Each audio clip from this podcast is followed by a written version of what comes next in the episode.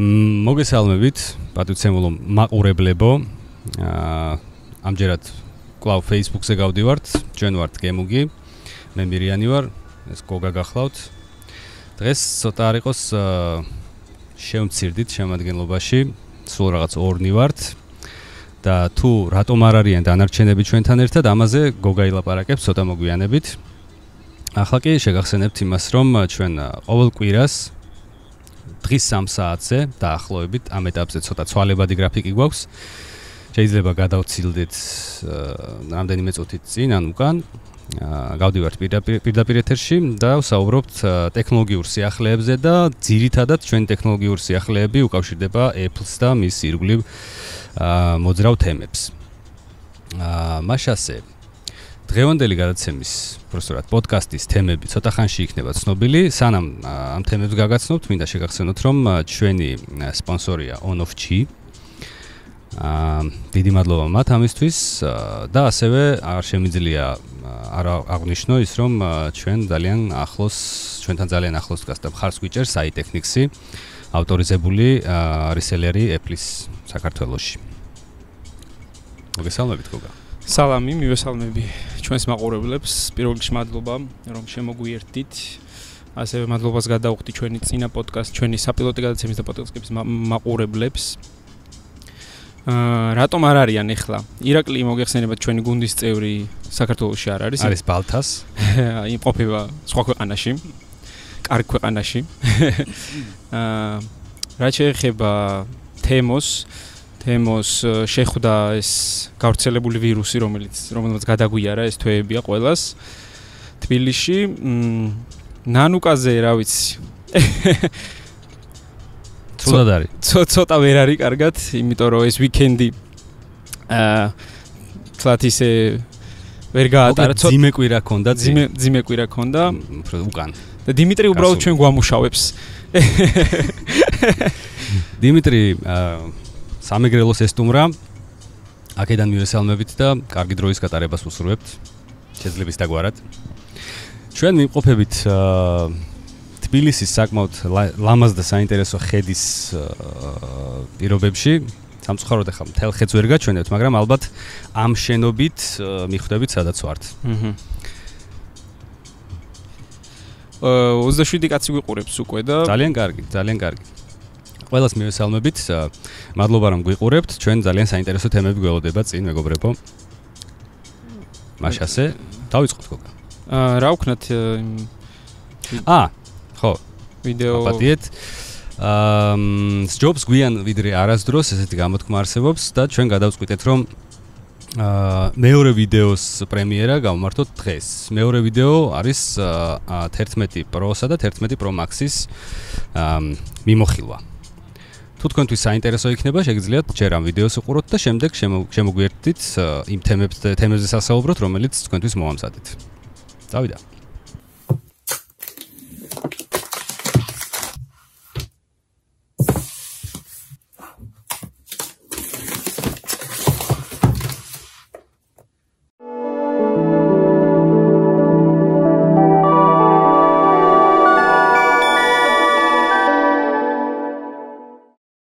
გამარჯობა. მაკის მომხმარებელთა ჯგუფი საქართველოსში წარმოგიდგენთ ვიდეო მიმოხილვების სერიას. წინა მიმოხილვაში ჩვენ ნახეთ ულამაზესი და უსწრაფესი iPhone 11. ახლა iPhone 11 Pro-სა და 11 Pro Max-ის ჯერია. Apple-მა iPhone-ის დასახელებაში პირველად გამოიყენა სიტყვა Pro, როგორც MacBook-ების და iPad-ების შემთხვევაში ხდებოდა აქამდე. თუმცა ეს სიახლე აქ სხვაგვარად განიმარტება. როგორც წესი Pro ნიშნავს უკეთეს პროცესორს, დიდ ეკრანს და კომპონენტების უკეთეს მახასიათებლებს. iPhone 11-ის მოდელებში სხვაობა მინიმალურია. თუ არ ჩავთვლით ეკრანს, 11-ს წინამორბედისგან LCD ეკრანი დარჩა. Pro-სა და Pro Max-ში კი გაუმჯობესებული OLED Super Retina XDR ეკრანებია ზომებით 5.8 და 6.5 ინჩი. ბატარეის მოცულობის გაზრდის პარალელურად smartphone-ის სისქემ შეუმჩნევლად მოიმატა. ვინაიდან Apple-მა ეკრანიდან ამოიღო 3D Touch Pen-ა. ამიერიდან ამ ფუნქციას ეკრანზე თითის დაყოვნება შეასრულებს. ასევე თვალსაჩინოა მომხმარებლის დიდი დაინტერესება ახალი მწვანე ფერით. რომელიც თვალის დახამხამებაში გახდა პოპულარული ახალ მოდელში. ახლა გავიგოთ დეტალურად, რა განასხვავებს წელს გამოსულ სამ მოდელს ერთმანეთისგან. iPhone 11 Pro-სა და Pro Max მოყვება 18 ვატიანი სწრაფი დამტენი. შესაბამისად, კაბელის დაბოლოება არა USB 2 ან 3, არამედ Type-C-ა. კამერაშიც ცვლილებაა. გვაქვს მესამე ტელეფოტო ლინზით აღჭურვილი კამერაც, რომელიც გასაოცარ ფოტოს და ვიდეოს იღებს. გასულ წელს iPhone 10s-ისა და 10s Max-ის ბატარეებმა ვერაჩვენეს დამაკმაყოფილებელი შედეგი. წელს ეს პრობლემა მოგვარებულად შეიძლება ჩაითვალოს, ვინაიდან Apple ამბობს, რომ 4-5 საათით მეტ ხანს გეყოფათ მუხტი. მოკლედ, რომელი მოდელია ჩვენთვის ყველაზე შესაფერისი? iPhone 11 Pro ჯიბეშიც ადვილად თავსდება და ხელშიც TV მოსახმარია. Pro Max-ი კი მათ გამოადგება, ვისაც ბატარეის მეტი მოცულობა და მეტი ზომის ეკრანი იზიდავს. iPhone 11 წარმოდგენილია 64, 128 და 256 მოცულობის მეხსიერებით, ხოლო iPhone 11 Pro და Pro Max-ი 64, 256 და 512. და ბოლოს, თუ ახალი მოდელების უფრო დეტალური და ღრმა შედარება გსურთ, on-off G-ზე უკეთ ამას ვერსად გააკეთებთ. მოდით შევადაროთ iPhone 11 და 11 Pro. შედარების გვერდზე მუქად მოინიშნება ყველა განსხვავება. მაგალითად, iPhone 11-ში 6.1 ინჩის ზომის ეკრანია, ხოლო 11 Pro-ში კი 5.8 ინჩი. ველით თქვენს კომენტარებს და შეფასებებს. მომავალ მიმოხილვამდე.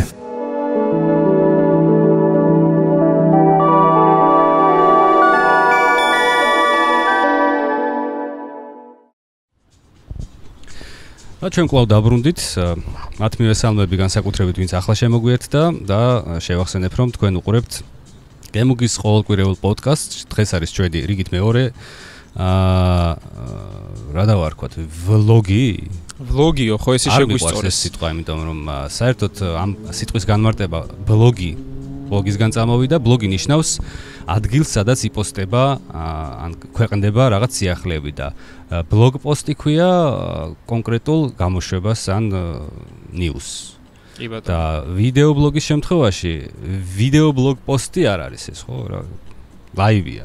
ჩვენ პირდაპირ ეთერში ვართ, მეგობრებო.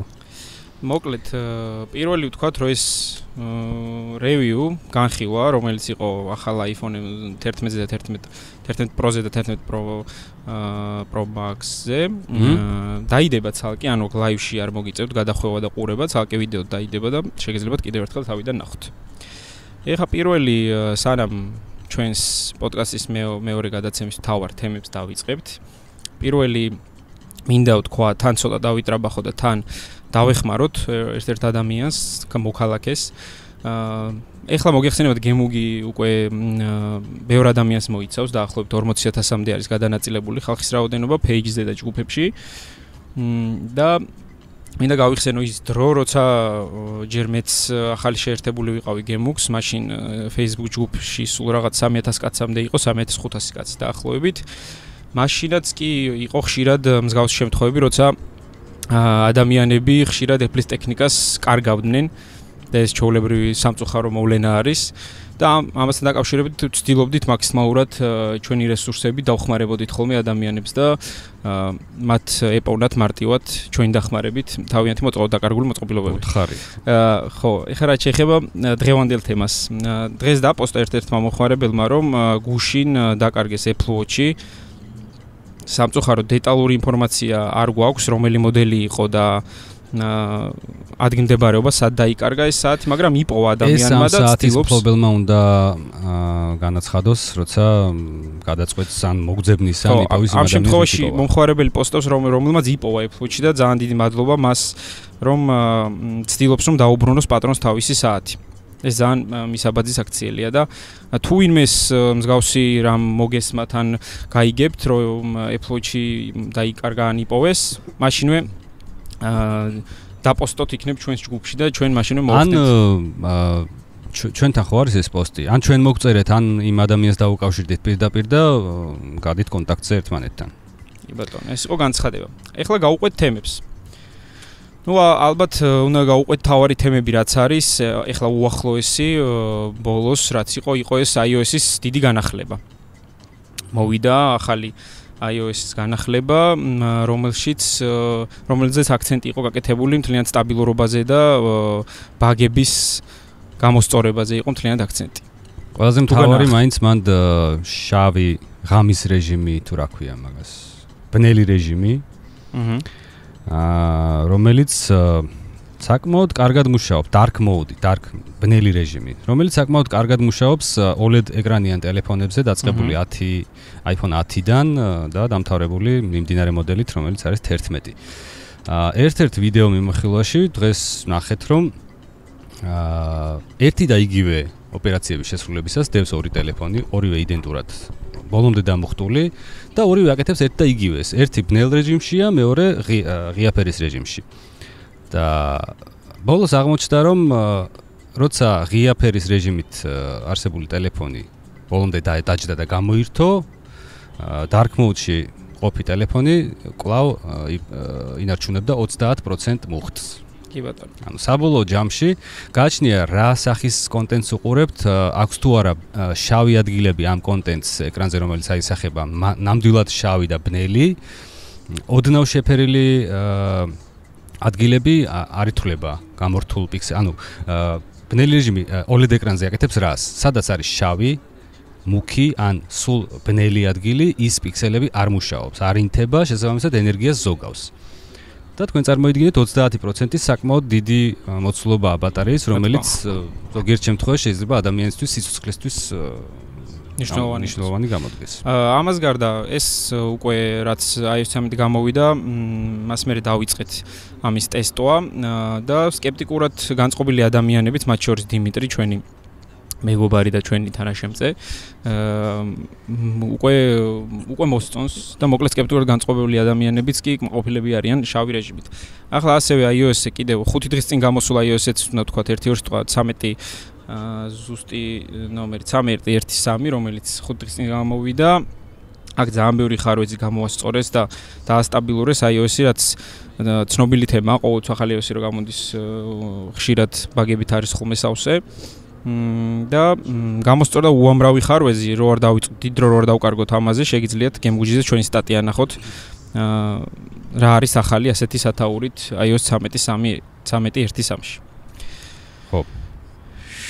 ხო. ახლა შევეხოთ ყურსასმენებს, რომელიც ძალიან კარგად გამოსდის. მინდა გითხრათ რომ მე ვცადე სხვა ერთი კანადური სტარტაპის კანადური იყო აღარ აღარც კი მახსოვს იმდენად დამავიწყდა ეს კურსასმენები აა ესე იგი ახალ კურსასმენებს რომელსაც არ აქვს კაბელი და არის ულტრა მცირე ზომის ეძახიან truly wireless earbuds შევიძინე ერთი კანადური სტარტაპის კურსასმენები რომელიც ამბობდა რომ ავტონომიურ რეჟიმში ეს ყურსასმენები იმუშავებდა 12 საათამდე. აა გააჩნდა წყლისგან დაცვა, წყლის წყლის შეხწევისგან დაცვა. in air ტიპის ყურსასმენებია და Bluetooth 5.0 ვერსიით და მთელი მთელი რაღაც სასწაულებით და ძალიან მიმიზი და ამ მაჩვენებლებმა. ავიღე ეს კურსესმენი, გადავიხადე 99 დოლარი, იყო ბანდლი ესეთი, მოყვებოდა უკაბელო დამტენიც და кейსიც უკაბელოდ იტენებოდა ამ დამტენზე. ამ გამოვიყენე ეს კურსესმენები დაახლოებით თვენახევრის განმავლობაში. მაგრამ მე მაინც როგორც ეფლის ერთგული მომხმარებელი სულმა წამწლია და ვიყიდე ეფლის ახალი AirPod-ი მეორე ვერსია და გავაკეთე შედარება. შემიძლია ვთქვა თამამად რომ მიუხედავად იმ მაჩვენებლებისა რომლებიც რომლებითაც ის კურსასმენები ბევრად ჯობნის Apple-ის AirPod-ებს აა არის სერიოზული განსხვავება. ეს არ არის in air ყურსასმენი, იდება ყურში ჩაულებრივად, ჩამოიდებ ყურის დიჟარაში. თუმცა ხმა იმ ყურსასმენებს, როცა ყურში ჩამოდებული ყო, თითქმის არ ისმის. იმიტომ არის air-ი, რომ იქ დიდი ენერგიის დაზოგვა ხდება, ყურში კარგად ჯდება, იხურება ყურისში და რა ქვია იმას? ყურის არხი და აა მინიმალური ვიბრაციით ხდება ხმის მაქსიმალური აღწარმოება. და თუ შევადარებთ AirPods-ის 4 საათს, მე მგონი, ავტონომიურ რეჟიმში შევაბას და იმის 12 საათს მე ბოლოს ავარჩიე მაინც AirPods. კი ბატონო, ეხლა მე გავაგრძელებ სანამ ჩემს სამომხმარებლო კუთხიდან ვისაუბრებ AirPods-ებზე. მოდი ვთქვა ჭორები და რატო არის ეს მთავარი თემა, მთავარი ეს ვთქვა. მთავარი თემა არის იმიტომ, რომ Apple-ს ოქტომბერში აქვს ხოლმე ძირითადად ხშირად ღონისძიება და ამ ღონისძიებასთან დაკავშირებით იწერება, რომ უნდა ვიხილოთ AirPods-ების ახალი ვერსია AirPods Pro არც მეორე თაობა, არც სხვა რომელიმე ნომერი.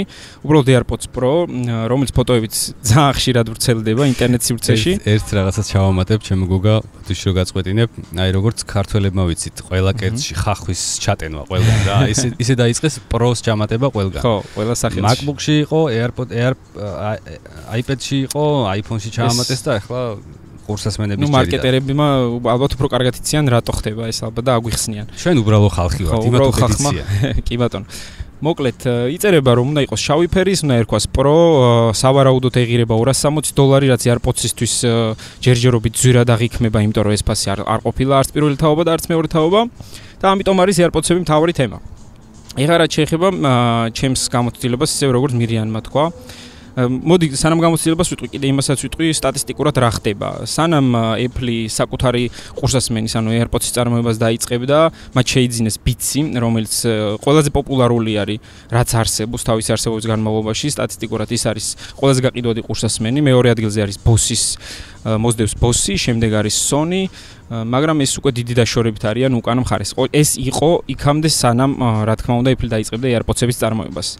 როგორც კი Apple-მა გამოუშვა AirPods-ი, AirPods-მა გადაინაცვლა, აუ, რა თქმა უნდა, პირველ ადგილას, როგორც ეს ხდება ყველანაირ პროდუქციაში, და ეს ფაქტი არის, ეს აქ ფანატობის არაფერი არ ხდება. ისევე როგორც აა iOS-ის ან macOS-ის განახლების შემთხვევაში მალევე ხდება 50%-ის ან მეტის გადასვლა ამ ახალ ვერსიაზე თუ შევადარებთ სხვა საოპერაციო სისტემებს, იქ იქ ხდება საშინელი.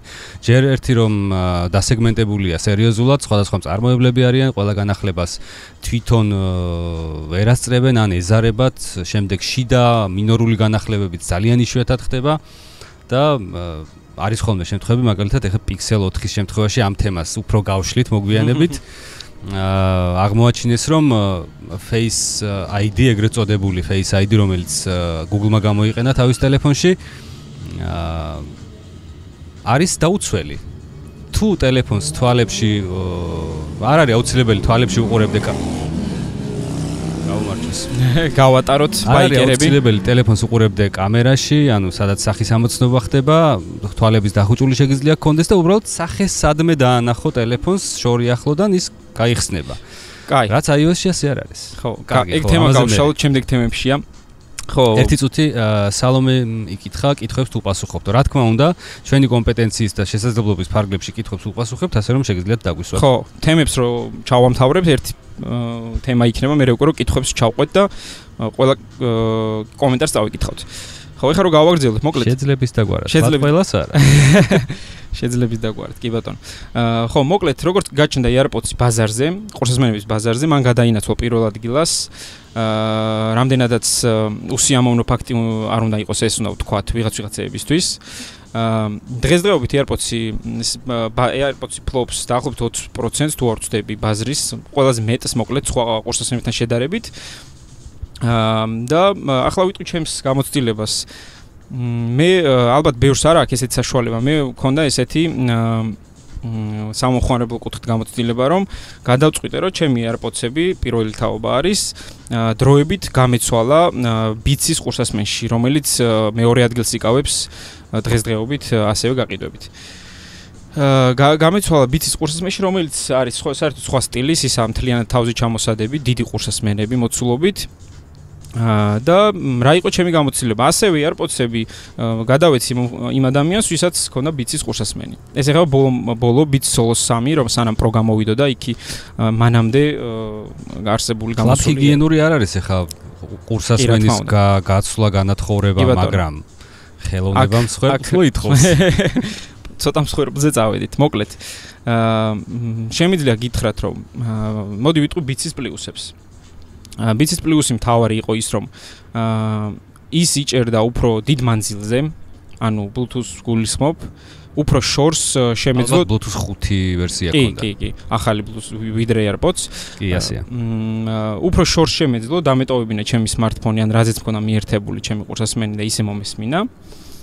მუსიკას და მეორე მთავარი რაც იყო იყო ის რომ მისი ბატარეა უფრო დიდხანს ძლებდა ვიდრე airpods-ების ეს ორი ძირითადი პლუსი დიდ პლუსებს რა აი უფრო არა მე ამ ერთი კვირის განმავლობაში რაც დავინახე იყო ეს ორი პლუსი. სხვა ხმასთან დაკავშირებული ნუ რა თქმა უნდა იყო ისიც რომ არ შემოდიოდა ხმა იმ ბიცში იმიტომ რომ დახურულია მთლიანად ყური მოგეხსენებათ ესეც თუ ჩავთვლით პლუსად ჩემთვის ნაკლებად იმიტომ რომ მაინც არ შეუწუხები ვარ აფაქტს თუ აქვს იმ ვერსიას რომელიც შენ ქონდა ambient sound ანუ გარშემო გარედან ხმის შეტანის ხო cancellation noise cancellation?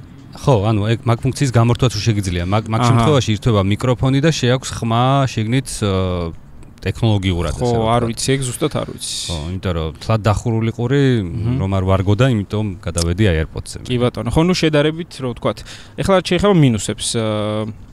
აა სპორტდარბაში იყო ძალიან მოუხერხებელი იმიტომ რომ სირბილის დროს აა ცდილობდა სულ რომ გადმომხტარიყო ჩემი თავიდან ეს ერთი. აა ძიმია ძიმია მაწუხებდა ძალიან ხშირად მткиვდებოდა ყურის ნაწილი აი ეს ადგილები, რადგან ასევე მძიმეა და ამის გამო. და კიდევ ერთი პრობლემა იყო ის, რომ ძალიან თბილია.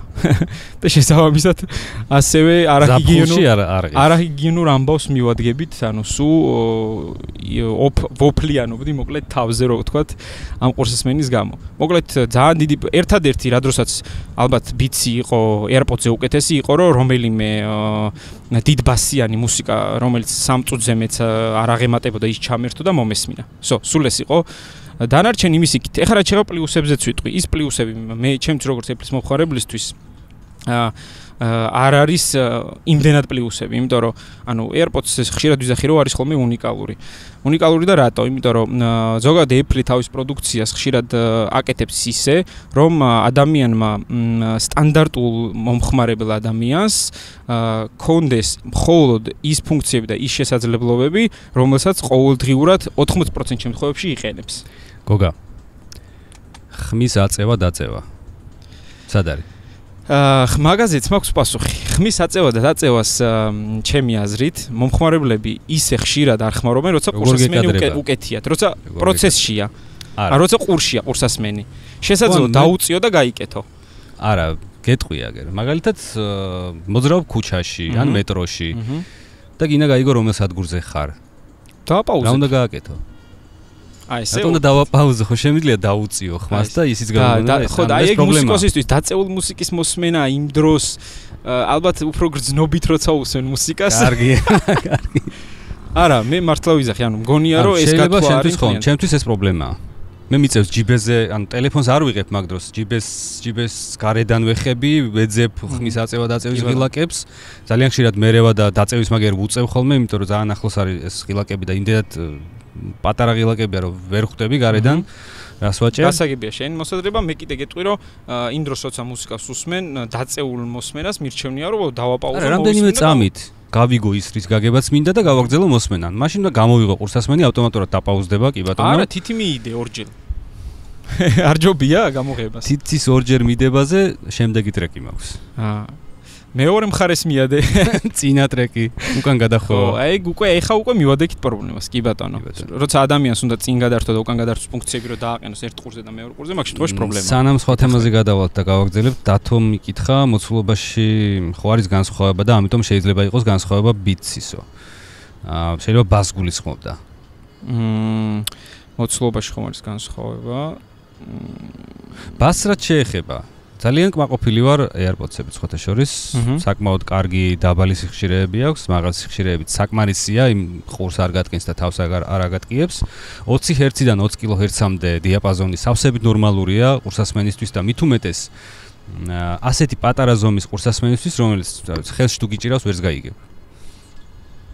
კი ბატონო. გარდა ხმის აწევა და წევისა, მე სხვა პრობლემა არ მაქვს. აა 4 საათი აკუმულატორის ავტონომიურ რეჟიმში მუშაობა ამ ყურსასმენისთვის არის რა ვიცი იმაზე მეტი ვიდრე დაგჭირდება. 4 საათი გადამულად წარმოიდგინე უყურებ ფილმს.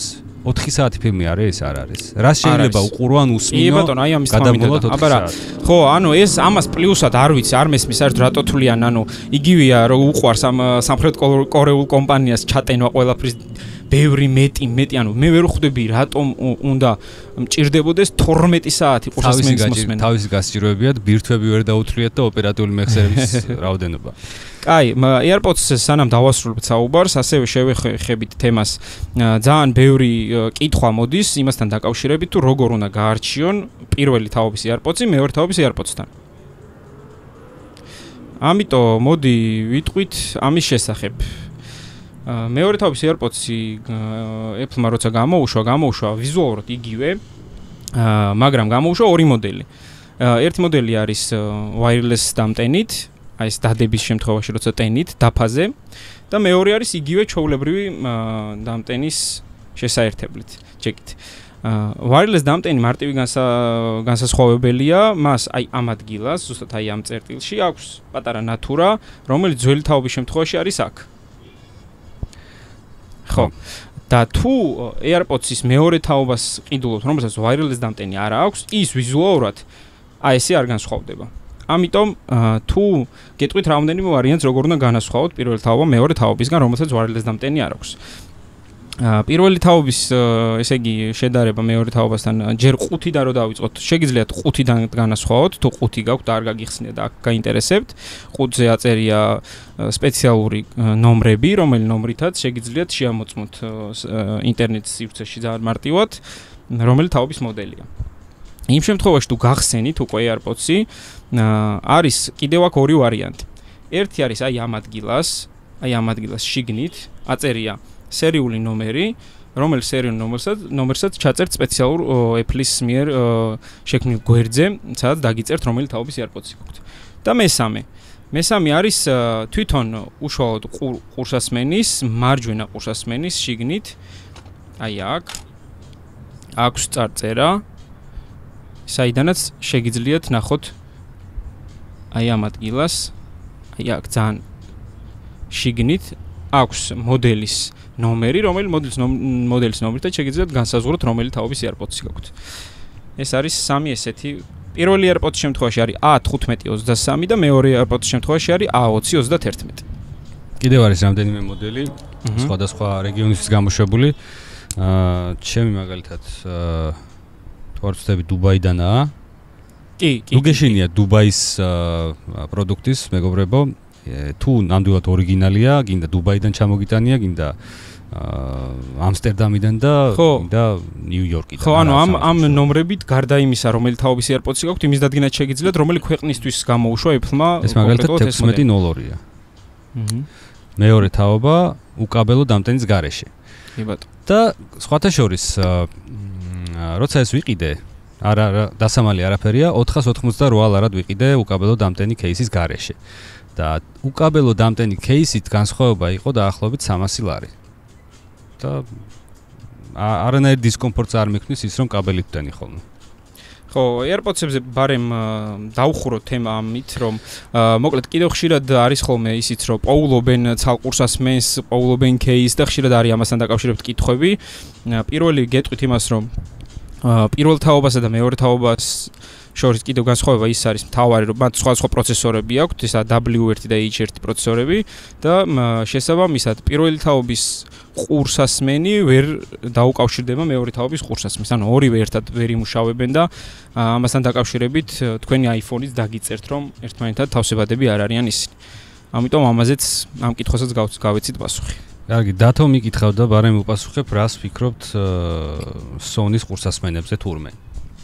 Sony-ს ყურსასმენებზე სიმართლე გითხრათ, ბევრს ვერაფერს ვიფიქრებ, ესე კონკრეტულად უკაბელო ყურსასმენებზე მინახავს ვიდეო მიმოხილვები, რომლებშიც Sony-ს ახალი აა მსგავსი ტიპის ყურსასმენებია ნაჩვენები და ძალიან კარგი და კომფორტული ჩანს. გარედან. სპორტული სტილის ინეარ ყურსასმენებია რომელიც ყურში ჯდება გადმოვარდის შანსი არ არის. სიმართლე გითხრათ ესეც კი არ მივარდება ყურიდან. დიმას ყურებს თუ არ ჩავთვლით დიმა ვერ იკეთებს ამას. კი ეგრევე ვარ. ხო არის რაღაც პროცენტი ადამიანების. შეიძლება სხვა პროფესიონალურ ყურსასმენებს ჩვენ ვიყენებთ. აა Sony-s Studio MDR 7506 თუ კარგი ყურსასმენი გინდათ კაბელიანი ეს არის ძველი მოდელი, მაგრამ დღემდე გამოიყენება ხმის ჩამწერ სტუდიებში, ვოკალის მოსასმენად არის ძალიან კარგი ხარისხის. აი ესე გამოიყურება. აჰა. ლურჯი ფერის წარწერით. არის წითელი ფერის წარწერით, იქ თუ არ ვწდები, სიხშირეების დიაპაზონი უფრო დიდია თუ უფრო მოკლე არ მახსოვს, მართალი გითხრათ, მაგრამ ეს სერია MDR-ვის სერია MDR სერია არის ძალიან კარგი. აი, შეგვიძლია დავხუროთ ყურსასმენის თემა და რა ვიცი, ნახოთ, დაველოდოთ ოქტომბრის ღონისძიებას თუ შემდეგ თუ დაანონსდება, უნდა დაანონსდეს შემდეგ კვირაში Apple-ის მიერ და ნახოთ თუ იქნება ახალი ყურსასმენი. ვიზუალზე აუცილებლად იქნება. ვიზუალზე მოდი კომენტარს არ გავაკეთებთ რა რაც ვრცელდება. რა ვიზუალიც იმას დავტოვებთ ისე თქვენთვის მოგვინდია. ხო, იყო გაზქურა iPhone 11-ის შემთხვევაში და არ არის პრობლემა, სხვა სხვა ფენის და სხვა სხვა რაღაცების იმებსაც მივითვისებთ. კაი, მეორე თემა რაც გვაქვს, ეს არის კიდევ ერთხელ შევეხოთ 16 ინჩიან MacBook-ს, რომელიც შეგვიძლია იმის თქმა რომ დადასტურდა უკვე. რადგან არა Apple-ის მიერ, პრინციპში Apple-ის მიერ, როგორც წერენ დეველოპერები, ახალ macOS-ის macOS-ის ბეტა ვერსიაში ნახეს ვიზუალი კოდი, სადაც ჩანს 16 ინჩიანი MacBook. არ ვარ კმაყოფილი ამ ვიზუალური მახასიათებლით მართალი გითხრა. აა მეც რა ბევრის თქმა არ შემიძლია ამ ეკრანის ზომა იზრდება გვერდითა რა ქვია ამას უსარგებლო ადგილის გამოყენებით და პლუს ამას კიდე MacBook-ის ზომაც იზრდება. ნუ ალბათ 15 ინჩიანი მომხარებლებს გაახარებთ. 15-იანიც იზრდება, ანუ შედარებაში როცა უყურებ 15-იანი, მე დიზრდება, რომ ჩემთვის შეიძლება უკვე დისკომფორტს წარმოადგენდეს, იმიტომ 15 ინჩიანი აა MacBook-ი ჩემს უკვე დისკომფორტია, იმიტომ რომ ძიმეა. კი, კი, მეც დაგეთახმება, არა, ნუ ეს ახლა ორივე აქვს ისეთი მომხარებლები, ვისაც არ მოგწონს 15 ინჩიანი, მაგრამ ბევრი ამაზე ამბობს, რომ კმაყოფილები არიან და ვისაც 15-იანია გერცული აქვს 16-იანი როდის გამოვა ელოდებიან დიდი სიხარულით. ხო, სექტანტები ეგრე. როგორ ჩვენ გვეძახიან ხოლმე. კაი, შემდეგი თემა გვაქვს. დაიწერა ამასთან დაკავშირებით ჩვენი სტატია და ესე კაი ხანია ჩვენი მომხარებლები არ გაუხარებია ჩვენს მიერ დაწერილ სტატიას. ეს ეს არის Samsung-ის Galaxy S10-ის Touch ID-ის პრობლემა. უფრო Touch ID-ს არა, უფრო ალბათ იმ ახალი ტექნოლოგიის პრობლემა, რომელიც მოდ პატარა შესავალს გავაკეთებ, გოგა და მე გავაგზავნოთ ამასთან დაკავშირებით საუბარი. აა ცნობილი ფაქტია ის, რომ Apple ნუ Apple პირდაპირ არ ამბობს ამას, მაგრამ შემჩნეულია მსგავს ქმედებებში. აა Apple განგებ ავრცელებს რაღაც ჭორებს სხვადასხვა საშუალებებით, სხვადასხვა გამოცემებს ხმები მისდით ხოლმე, რომ Apple აპირებს რაღაც ტექნოლოგიის დანერგვას მის ტექნიკაში, მომავალ მოდელებში. შემდეგ ამას აიტაცებენ აა ჩინელი მწარმოებლები, კორეელი მწარმოებლები და სხვადასხვა მწარმოებლები აიტაცებენ ამ თემას და უშვებენ იმ ტექნოლოგიის დაუხვეწავ და შეუმოწმებელ და დაუმთავრებელ ვერსიებს. მაგალითად, იგივე Ultrasonic Touch ID, Ultra Mega რაღაცა ეკრანის ქვეშ არსებული თითის სენსორი, რომელიც მუშაობს და თან არ ჩანს. გამოიყენა Samsung-მა, არა მარტო Samsung-მა და აა Apple ჯდება მე ელოდება ერთი წელი. ყველა იმას ამბობს ხოლმე რომ Apple მოძველებულ ტექნოლოგიებს იყენებს ძველი სხვებს უკვე აქვთ ეს და ასე შემდეგ. კი ასეა. და ასე იმიტომ არის რომ Apple ზის და უყურებს როგორ ვითარდება და როგორ რეაგირებს ამაზე მომხმარებელი. რა პრობლემები შეიძლება შეექმნას ამ ტექნოლოგიას და შემდეგ მომდევნო მოდელში თვითონ უშვებს იმას რაც უკვე ბაზარზე შემოწმებულია ანუ.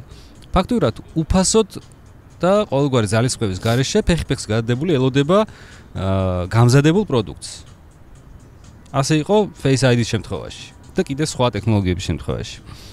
გამოვიდა ისე რომ Samsung-მა გამოუშვა ახალი ფუნქცია ჩადო თავის ახალ აპარატში, რომელიც არ ქონდა ბოლომდე გააზრებული, რას იზამდა სხვადასხვა პირობებში როგორ მოიქცეოდა.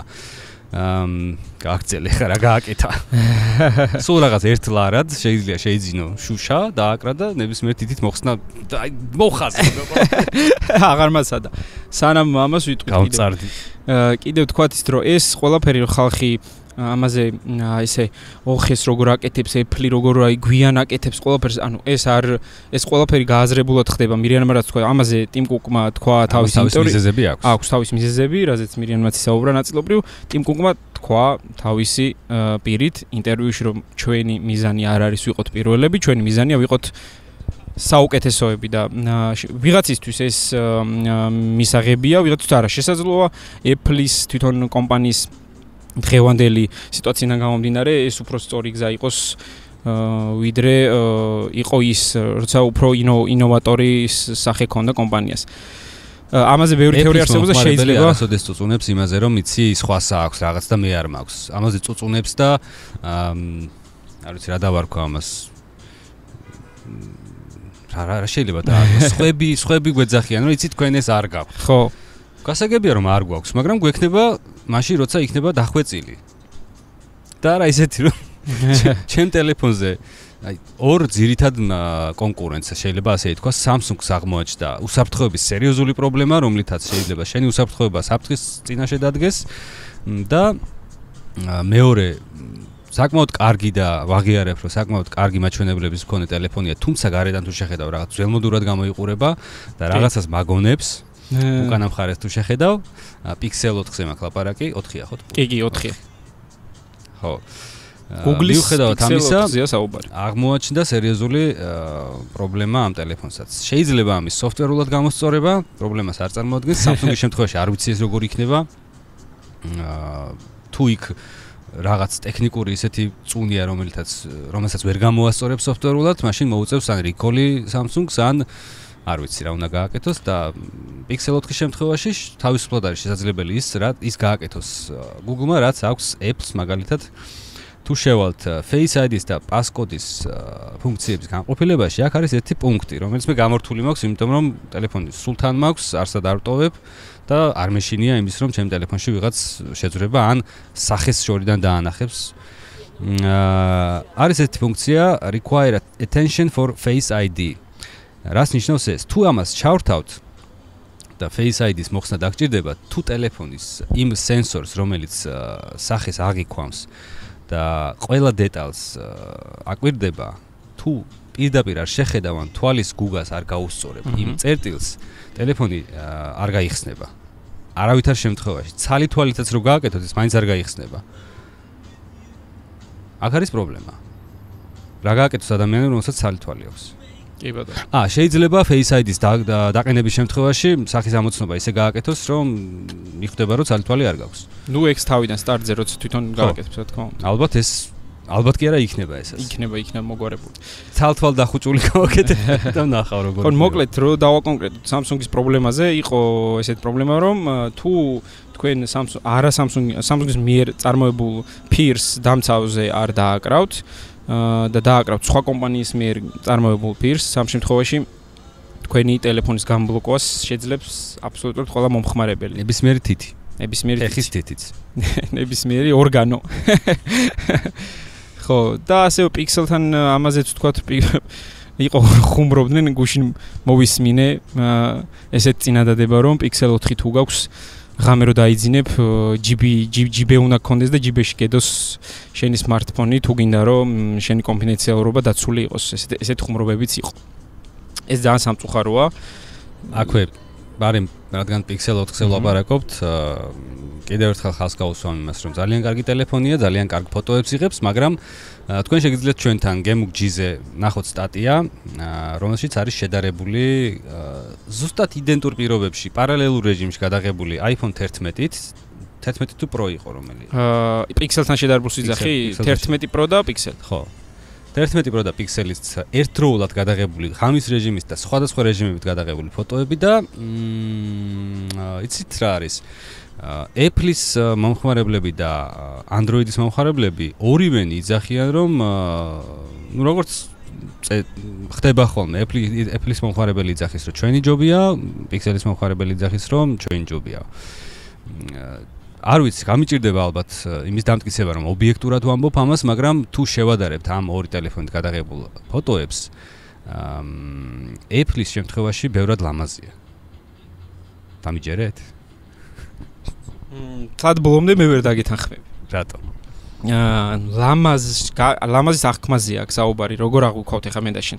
ხელოვნური ინტელექტს გულისხმობ, ანუ კამერა ჩათვალე რომ ორივეში მსგავსია, ტექნოლოგიურად განვითარების ეტაპს გულისხმობ, არაფერი სასწაული სენსორი არ შეიძლება კონდეს ან ერთს ან მეორეს, ან ლინზა, ლინზა, ლინზა, შუშა და მატრიცა, მატრიცაა, სადაც არის პიქსელები. ესე ანუ 280 ვიტყვი, ანუ პიქსელ 4-ით გადაღებული ფოტოები უფრო ლამაზი ფერებით იყო ჩემთვის, ჩემი აზრით, ფოტოზე რო უყურებდი, მაგრამ მე მირჩევნია მქონდეს iPhone-ის კამერა, რაც იქ იყო. კიდევ იმ თემას რო დაუბრუნდით, რეალურ რეალურობის თემას. ანუ iPhone-ის გადა iPhone-ის მიერ გადაღებულ ფოტოებში ხედავდი უფრო რეალურ კადრს, რაც რეალობაში ხედავდა, რასაც ჩემი თვალი ხედავდა. და Pixel 4-ის შემთხვევაში ხედავდი ძალიან ლამაზ ფოტოს, ფერად ფოტოს, რომელიც რეალობაში არ იყო. ამიტომ ანუ მანდ არის როგორც წეგან თქვი ესეთი დეტალი რომ კამერა ჩათვალეთ რომ ორივეს ერთი აქვს. აა მანდ არის პროგრამული უზრუნველყოფის ამბავი რომელი ტელეფონი როგორ დაამუშავებს და რა დეტალების ხელოვნურად ან შეკ ანუ რაღაც ინფორმაციას იღებს სენსორიდან რომელიც მე რომელსაც ამუშავებს ხელოვნური ინტელექტის რაღაც ნაწილი და აა აღდგენას აკეთებს რაღაც დეტალებისა, რომ დეტალებისა, რომელიც არ მოხდა შუქის ნაკლებობის გამო, ან გადაღების დროს ტელეფონის გამოძრავების გამო, ან რაღაც რაღაც პრობლემების გამო. ამას აკეთებს სოფტი, რომელიც შედებულია ოპერაციულ სისტემაში. რა თქმა უნდა, Google-ს თავისი აქვს, Apple-ს თავისი აქვს. აქ არის რა, ანუ ზაღლისთავი არის დამარხული იმაში, როგორ დაამუშავებს გადაღებულ ფოტოს მიღებულ ინფორმაციას სენსორის შემდეგ ტელეფონის სიგნალობა. კი ბატონო. აა ესეც ჩვენი განადგურებული და მიწასთან გასწორებული Google-ი. აი, გადავიდეთ ხა, გადავიდეთ ახლა კიდევ სხვა სხვა თემებზე ჩვენ დავპოსტეთ სანამ გავუშვებდით პოდკასტს, უბრალოდ გუშინ გვიან დავპოსტეთ. აა გვაინტერესებს ხალხს რა აინტერესებს, ანუ რა თემებზე სურთ რომ ვისაუბროთ და ესეთი პოსტი ყოველთვის პოდკასტამდე დაიწერება ხოლმე. სადაც მოდით გვირჩიეთ შემდეგ პოდკასტებში ვინ მოვიწიოთ სტუმრად, რა სახის, რა სფეროში კომპეტენტური ადამიანის მიერ გამოთქმული აზრი ან შეფასება გინდათ მოისმინოთ რამე თემაზე. ხო, ეს სტუმართან დაკავშირებით დაგვაუწყა გვერდით, რომ მოგწერეთ ოღონდ. ჩვენი სტუდიის რემონტი ისევ ჯერჯერობით მიმდინარეობს და სანამ გარეთ ძალიან შეგვცივდა, იმედი გვაქვს რომ მანამდე დასრულდება. ეწევით მომთაბარე ცხოვრებას სხვადასხვა ადგილებში. თუმცა ძალიან სასიამოვნოა, მე მგონი არ არის ცუდი. არ არის ცუდი, კი, კარგი ამინდია. სცენარეების ნახვა. კი ბატონო. აი, მოდი ხა რაც დაგვჭა თემები, რაც დაგვიკომენტარეს გუშინ, ის სამი თემა არის და სამ თემას გადავწყვეტ. პირველი დათომ დაგვიკომენტარა ტოპ აპლიკაციებზეო, თქვენ რომელ აპლიკაციებს იყენებთ მობილურში, iPad-ში და კიდევ ახლა iPhone-ის კამერის ტესტ თუ ჩაუტარებთო, კაი იქნებაო. აი ესეთი კომენტარი იყო. პირველი ტოპ აპლიკაციები. კი, ახალი iPhone-ების კამერის ტესტ თუ ჩაუტარებთო და ნუ ამაზე ფოტოები ხშირად იდება ხოლმე ტესტების გადაღებულის, მაგრამ ეს ლაივში ჩასტარებლად ალბათ არ იქნება ისე კარგად დასანახი, კარგად გასარჩევი არ იქნება, მაგრამ ისე ფოტოებად ცალ-ცალკე ბევრი ფოტო გვიდევს ჩვენი ძველი და ახალი კამერების შედარებით. ასე რევიუები დაიწყო. ეს კითხვა მე არ მქონდა მოსმენილი, მომზადებელი ვარ მოსული, მაგრამ მე შემიძლია დაგესახელოთ სამი აპლიკაცია, რომელსაც კამერის ერთ-ერთი. ხო, კამერის აქედან არის ორი. აჰა. სამი აპლიკაცია, რომელსაც ვიყენებ არა როგორც ყოველდღიურ ცხოვრებაში, არამედ უფრო სპეციფიური დანიშნულებით, რაც ჩემთვის ძალიან მნიშვნელოვანია iPhone-ის iPhone-ზე გამოსაყენებლად. აა ერთი არის Filmic Pro, ეს არის ვიდეო კამერის აპლიკაცია, ვიდეო ვიდეოს გადაღების ვიდეოს გადაღება. აა პროფესიონალური დონის აპლიკაცია, რომელიც იღებს უმაღლესი ხარისხით ჩათვალეთ რომ 100 მეგაბიტი წამში არაკომპრესირებული ვიდეო ვიდეოს ჩაწერა შეუძლია. მენუალ ანუ ხელით სამართავი კამერა ასე რომ თქვა ჩათვალეთ რომ iPhone-ის სენსორს მატრიცას იყენებს ეს სოფტი იმისთვის რომ მიღებული ინფორმაცია და შემცირების და დაკომპრესირების გარეშე პირდაპირ შეინახოს მეხსიერებაში. ეს აპლიკაცია გამოიყენება პროფესიონალური დონის ვიდეოების გადასაღებად. თუმცა ფასიც შესაბამისი აქვს. აა თუ არ ვწდები ღირს 17 დოლარი თუ 19 დოლარი. ეს iPad-ზეც მუშაობს ეს API თუ იცი? კი. კი. აა მაქსიმალურად იყენებს კამერის შესაძლებლობებს, იღებს იმას ზუსტად იმდენივე კადრს და იმდენივე რეზოლუციის ვიდეოს, რაც ტელეფონს ან iPad-ს ან მოკლედ აპარატს შეუძლია და გააჩნია ამის მაჩვენებლები. აა მეორე აპლიკაციაც არის ასევე კამერის აპლიკაცია, აღონ ამ შემთხვევაში ფოტო და თუ თქვენ ამ აპლიკაციას ჩამოტვირთავთ, ჩვენთან საიტზე შეგიძლიათ ლინკი ნახოთ და დასახელება ამ აპლიკაციის და მისი აღწერა. თქვენ შეძლებთ ზუსტად ისეთივე ფოტოების გადაღებას ხამის რეჟიმში, როგორცაც იღებს iPhone 11 და iPhone 11 Pro. გუშინ გავაკეთე ამის შედარება და განსხვავება ჩათვალეთ, რომ არ არის. საერთოდ არ არის განსხვავება. ერთ-ერთი განსხვავება იმაშია, რომ აა ახალ iOS 13-ში 11 და 11 Pro ამას აკეთებს შეუმჩნევლად და ღილაკზე უბრალოდ გადაღების დაჭერის შემთხვევაში. იმ რამდენიმე ფოტოს როცა იღებს და შემდეგ აერთებს ერთმანეთში და ხელოვნური ინტელექტი რაღაცებს მაიმუნობს თავისთვის, ამას აკეთებს ისე რომ თქვენ ვერც იგებთ ამას და არც გჭირდება დიდად ხელის გაჩერება. მაგრამ ამ აპლიკაციით გადაღების შემთხვევაში ან შტატივი უნდა გამოიყენოთ, ან მაქსიმალურად შეეცადოთ რომ ხელი არ არ გაამოძრაოთ ფოტოს გადაღებისას. და გადაიღებ ზუსტად ისეთივე ფოტოებს, როგორცაც იღებს ახალი iPhone. ამ შემდეგი ფასი აა 5 დოლარი თუ არ ვწდები. და მესამე აპლიკაცია ეს არის DJI Maimo to Mimo, არ ვიცი როგორ ქვია, რომელსაც ვიყენებ აი ამისთვის. ეს არის ხელი სტაბილიზატორი, რომელსაც რომელშიც ათავსებს smartphones. შეიძლება ჩადო ყველაზე დიდი რაც ამაში იდება, თუ არ ვწდები არის iPhone Max-ის ზომის ტელეფონი. და ამ აპლიკაციით გადაიღებ მარტივად და ამონტაჟებ იქვე, ან ერთ თითის დაჭერით გადაიღებ მაქსიმალურად დასტაბილურებულ ვიდეოს. კი, iPhone-ს აქვს თავის კამერის სტაბილიზატორი, მაგრამ მოძრაობისას ან სირბილისას ამით შეგიძლიათ გადაიღოთ ისეთი ვიდეოები, ჩათვალეთ, რომ თითქოს ტელეფონი არის შტატივზე დამაგრებული და არ მოძრაობს საერთოდ. სულ ეს არის. კი ბატონო, ეს შენი აპლიკაციები. რას გვეთქვი გოგა? ხო, აპლიკაციებთან დაკავშირებით არც შენსავით მეც ესე თლათ მომზადებული არ ვარ. და სიმართლე გითხრათ დიდ უფრო ალბათ სხვანაირი ცოტა განსხვავებული მომხმარებელი ვარ მაგ კუთხით, ბევრ აპლიკაციას არც ვიყენებ, სიმართლე გითხრათ. ერთ-ერთი აი ხა უცბად რო გადავხედო ჩემს iPhone-ში აპლიკაციებს, რასაც ვიყენებ, ეს არის ცოტა განსხვავებული, შეიძლება ითქვას. აა რაც ალბათ უფრო პატარა თაობას სადგება ხოლმე, ეს არის სკრინშოტების გადამის აპლიკაცია. რომელიც აღარ გჭირდება. რომელიც აღარ მჭირდება, იმიტომ რომ ახალ iOS-ში სკრინშოტს იღებთ, ჯერ ვთქვათ, აპლიკაცია იყო ასეთი, ანუ სკრინშოტს ვაკეთებთ თან მიმდევრულად ასკროლით და შემდეგ ყველა ეს აბსოლუტურად დასკრინული ერთმანეთზე გადამულად ხდება ერთი ფოტო. რაც ახალი iOS დავაყენეთ, ანუ iOS 13 აი ეს 13-ზე სკრინშოტის შემდეგ გაქვთ ორი ღილაკი, ერთი არის რომელშიც დაგი სკრინშოტებ მხოლოდ იმ წუთას რაც არის, იმას რაც ეკრანზე ჩანს, რაც ეკრანზე ჩანს და მეორე შემთხვევაში შეგიძლიათ თლიანი პეიჯი, მაგალითად საიტი შეგიძლიათ თლიანი საიტი და დასკრინოთ და აი ესე ასკროლოთ ფოტოში. გადასარევ. სხვა აპლიკაციები სიმართლე გითხრათ შემდეგი პოდკასტისთვის ხო ჯობია შემდეგი პოდკასტი შემოვინახოთ და უფრო სხვა მომხმარებლებისგანაც რჩევები ან რაღაც აპლიკაციები რომელიც გამოდგება სხვა მომხმარებლებისგანაც ავიღოთ აი ყველაზე ყველაზე მაგარი ტოპ აპლიკაციების კრებული და ის ჩამოვთვალოთ ერთად. რა გვაქვს შემდეგი შემდეგი თემა გვაქვს აინტერესებთ რომელსაც ძალიან ბევრი ითხოვდა ამ თემაზე საუბარს ეს არის რატომ აღარ უთმობს Apple იმდენ დროსა და ენერგიას MacBook-ების განვითარებას ვიდრე აქამდე? აი ესეთი რატომ აღარ აქცევს Apple სათანადო ყურადღებას MacBook-ებს? აი ესეთი წინადადება იყო. მე გავცე პასუხი თუ მე მოდი ჯერ ვიტყვი ჩემ აზრს როგორც MacBook-ის მომხმარებელი მე როგორც Apple-ის მომხმარებელი არც ისე დიდი ხანია ვარ სხვა ჩემ თანაშემწესთან შედარებით იმიტომ რომ წლოვანებით მოგეხსენებათ პატარა ვარ. მე ვარ 24 წლის სულ რაღაც. ბავშვი. ბავშვი ხო.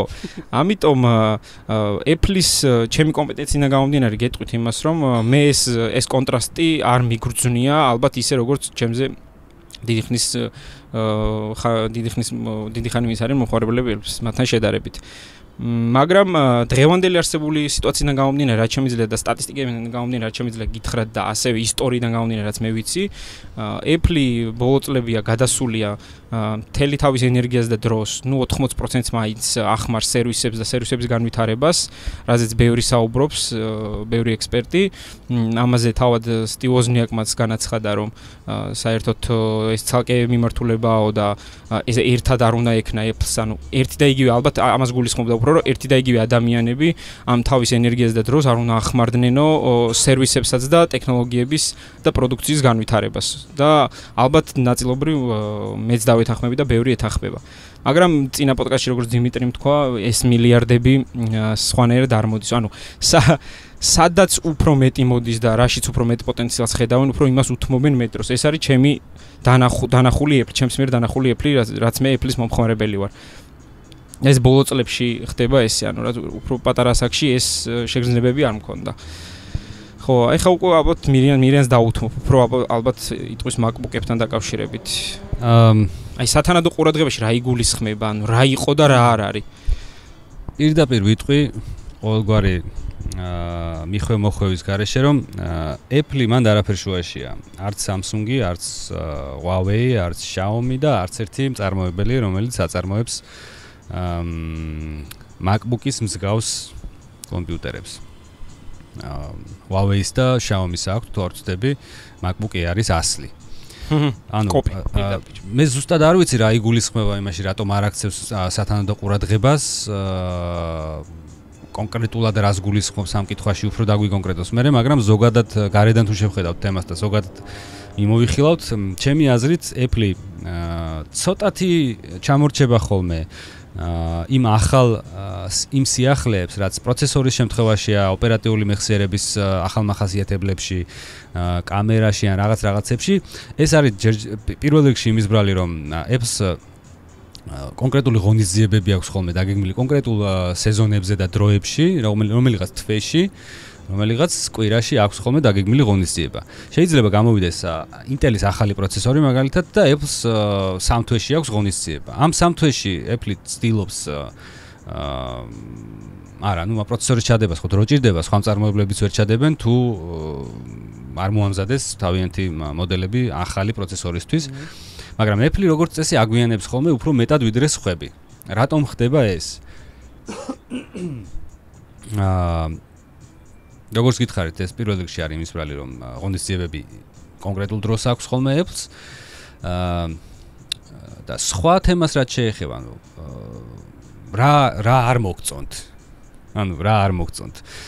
განახლდა კლავიატურა, ვითარდება ეკრანი, არც ერთ კომპიუტერს ისეთი ლამაზი და ზუსტად გამოსახულების ამსახავი დისპლეი არ აქვს, როგორც როგორც აქვს MacBook Pro-ს მაგალითად.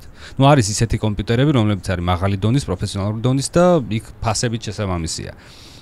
აა სხვა რა ვიცი რა ვთქვა. ხო, ალბათ მე ვფიქრობ იმას გულისხმობ, რომ მაშინ რევოლუცია გჭირდება ახალი, მესმის. მაგრამ ეს რაც ახლა ხდება იგივე smartphone-ების შემთხვევაში, კომპიუტერების შემთხვევაში, აა ყურსასმენების შემთხვევაშიც კი, კი, ამის იქეთ რა გინდათ რომ გააკეთოთ? ხო, ანუ რაღაც ეტაპზე მის არ იყოს, მოდი შეეცოთ გიგა. აა ფუტურამაში არის ერთი მომენტი, სადაც iPhone-ს, iPhone-ს აშარჟებენ. აა კარგი ვიდეოს მე ნახავდით ალბათ უკვე თვალში ჩაუდებენ რაღაცას რა და თვალში ანათებს ანუ გამოსახულებას ხედავს ყოველგვარი დამატებით დივაისის garaშე. ნუ თვალში აქვს შეგნით ჩადებული.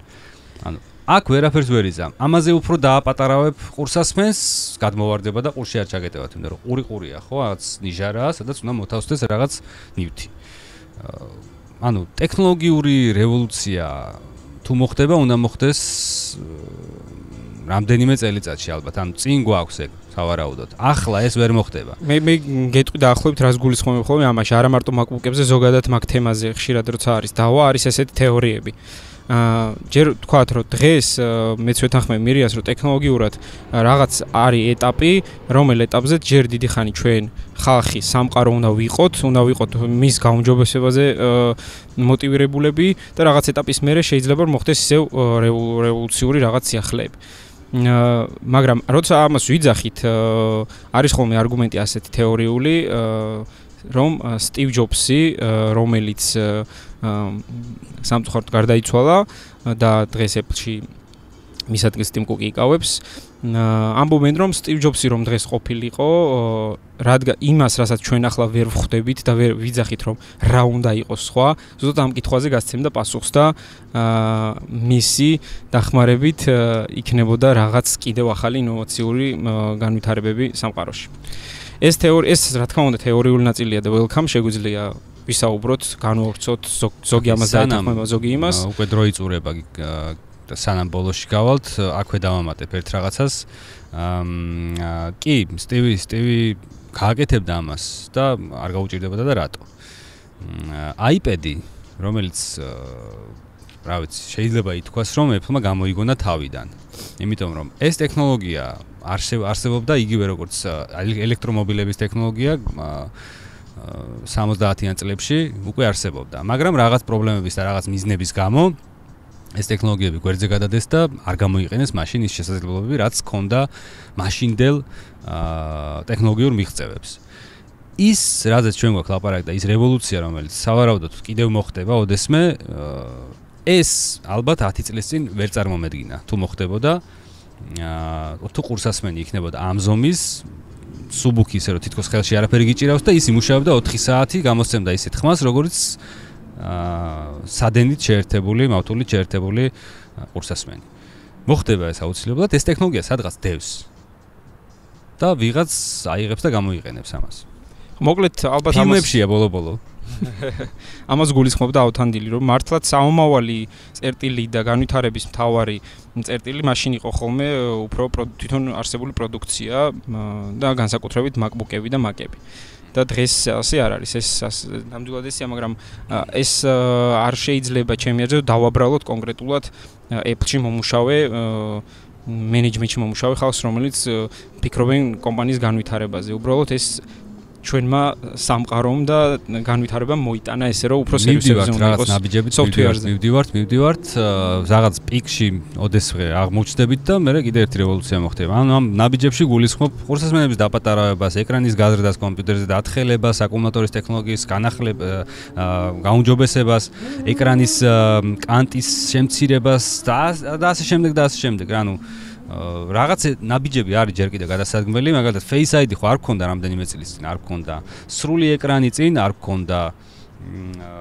აკუმულატორი ამ ზომის აპარატში მთელი დღე არძლევდა რამდენიმე წლის წინ. ამის რეჟიმის ფოტოებს ვერ იღებდა ესეთ კარგად smartphone-ები. ხელოვნურმა ინტელექტმა რაღაც თავისი ინფუტი გააკეთა და დაგვეხმარა იმაში. აი ამაზეც ვიტყვი, აი სამაგიეროთ, კი ბატონო, ეს ტექნოლოგია არ ვითარდება, მაგრამ აი გუშინ მომხარებელს შევხვდი, უცბად მალე დავამთავრებთ უკვე, Apple Music-თან დაკავშირებით. ადამიანი მიხსნიდა ერთი მომენტიო Apple Music-ის გამოყენება რომ დავიწყე, მეგონა რომ გავგიჟდიო და ძალიან ბევრს ვკითხულობდიო, ძალიან ბევრს წერდიო, Google-ში პოსტავდიო, რა ხდებაო, ვერ ხდებოდიო, იმდენად მეგონაო რომ ანუ შეძვრაო პირდაპირ ჩემს სულშიო და ხდებოდაო ზუსტად რა პლეილისტები მინდოდაო. ერთი მარტივი პატარა პლეილისტი შევადგინეო Music-შიო და ყოველ დღეო ისეთ მუსიკას მთავაზობდა Apple-იო რომ ანუ გიჟდებოდიო მართლა პირდაპირ მიხსნი და გუშინ მესაუბრებოდა რომ გიჟდებოდა ამაზე შეიძლება ეხა მიყურებს და გუშინ გავიცანი სხვათა შორის ეს ადამიანი ოკეი აქვე დავამატებ იმას რომ მსგავსი სერვისი Spotify-ზე მაქვს. გვერდზე ჩემ ჩემკენ რომელიც არის მე მართალია Apple Music-ს ვერ გავუგე ვერაფერი ანუ არ მომეწონა უფრო ნაკლებად მომეწონა ვიდრე Spotify მაგრამ აა ამ თემაზე შემიძლია ვთქვა რომ Spotify-მ თავაზობს ხოლმე თავი ანუ რაღაც რასაც უსმენ რასაც ანუ შენ ხასიათში იქეკება ხოლმე და მე გიკეთებს თავის პლეილისტებს რა შემოგთავაზოს. და Spotify ისი რას რას თავაზობს ხოლმე? წარმოიდგინე ქვაბი სადაც არის ხარჩო შოკოლადი ჩახრილი.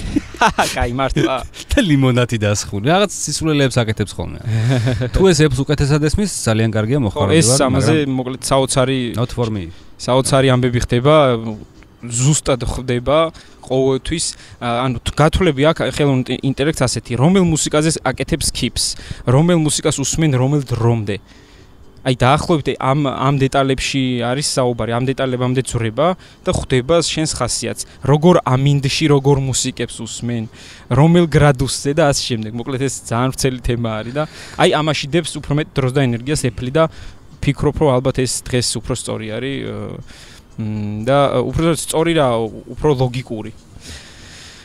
ხო, კიდევ აქ იყო ერთი კითხვა, ბარემ უთხრათ, რომ დავით მაჭახელიძის კითხვა არის Apple-ის მოწყობილობების ისტორიაზეო, მაგალითად თუ როგორ შეიქმნაო პირველი iPhone ამაზე რო ისაუბროთო და მე ვფიქრობ უფრო რომ ამაზე ჯობია უფრო მეტნი რო ვიქნებით მაშინ ვისაუბროთ, იმიტომ რომ Apple-ის ისტორია. შემდეგში რომელიმე პოდკასტში, უახლოეს მომავალში დავუთმოთ ამას. ხო, ამას თემას, იმიტომ რომ ეს ძალიან დიდი თემა არის, თელ ისტორიაზე საუბარი მოგვიწევს დავითი დამეთანხმება იმედია, გვილაპარაკია ჩვენ ამ თემაზე, iPhone-ი იყო მართლა რევოლუციის დასაწყისი. ხო და ესეთი თემა არის რომ შეიძლება ცოტა ცოტა გულიც აგვიჩუყდეს და ერთმანეთ დავამშვიდოთ. მე ბევრნი რო ვიქნებით ერთად ჯობია უფრო კარგად ვისაუბრებთ შემდეგ პოდკასტებში. კეთილი და პატიოსანი.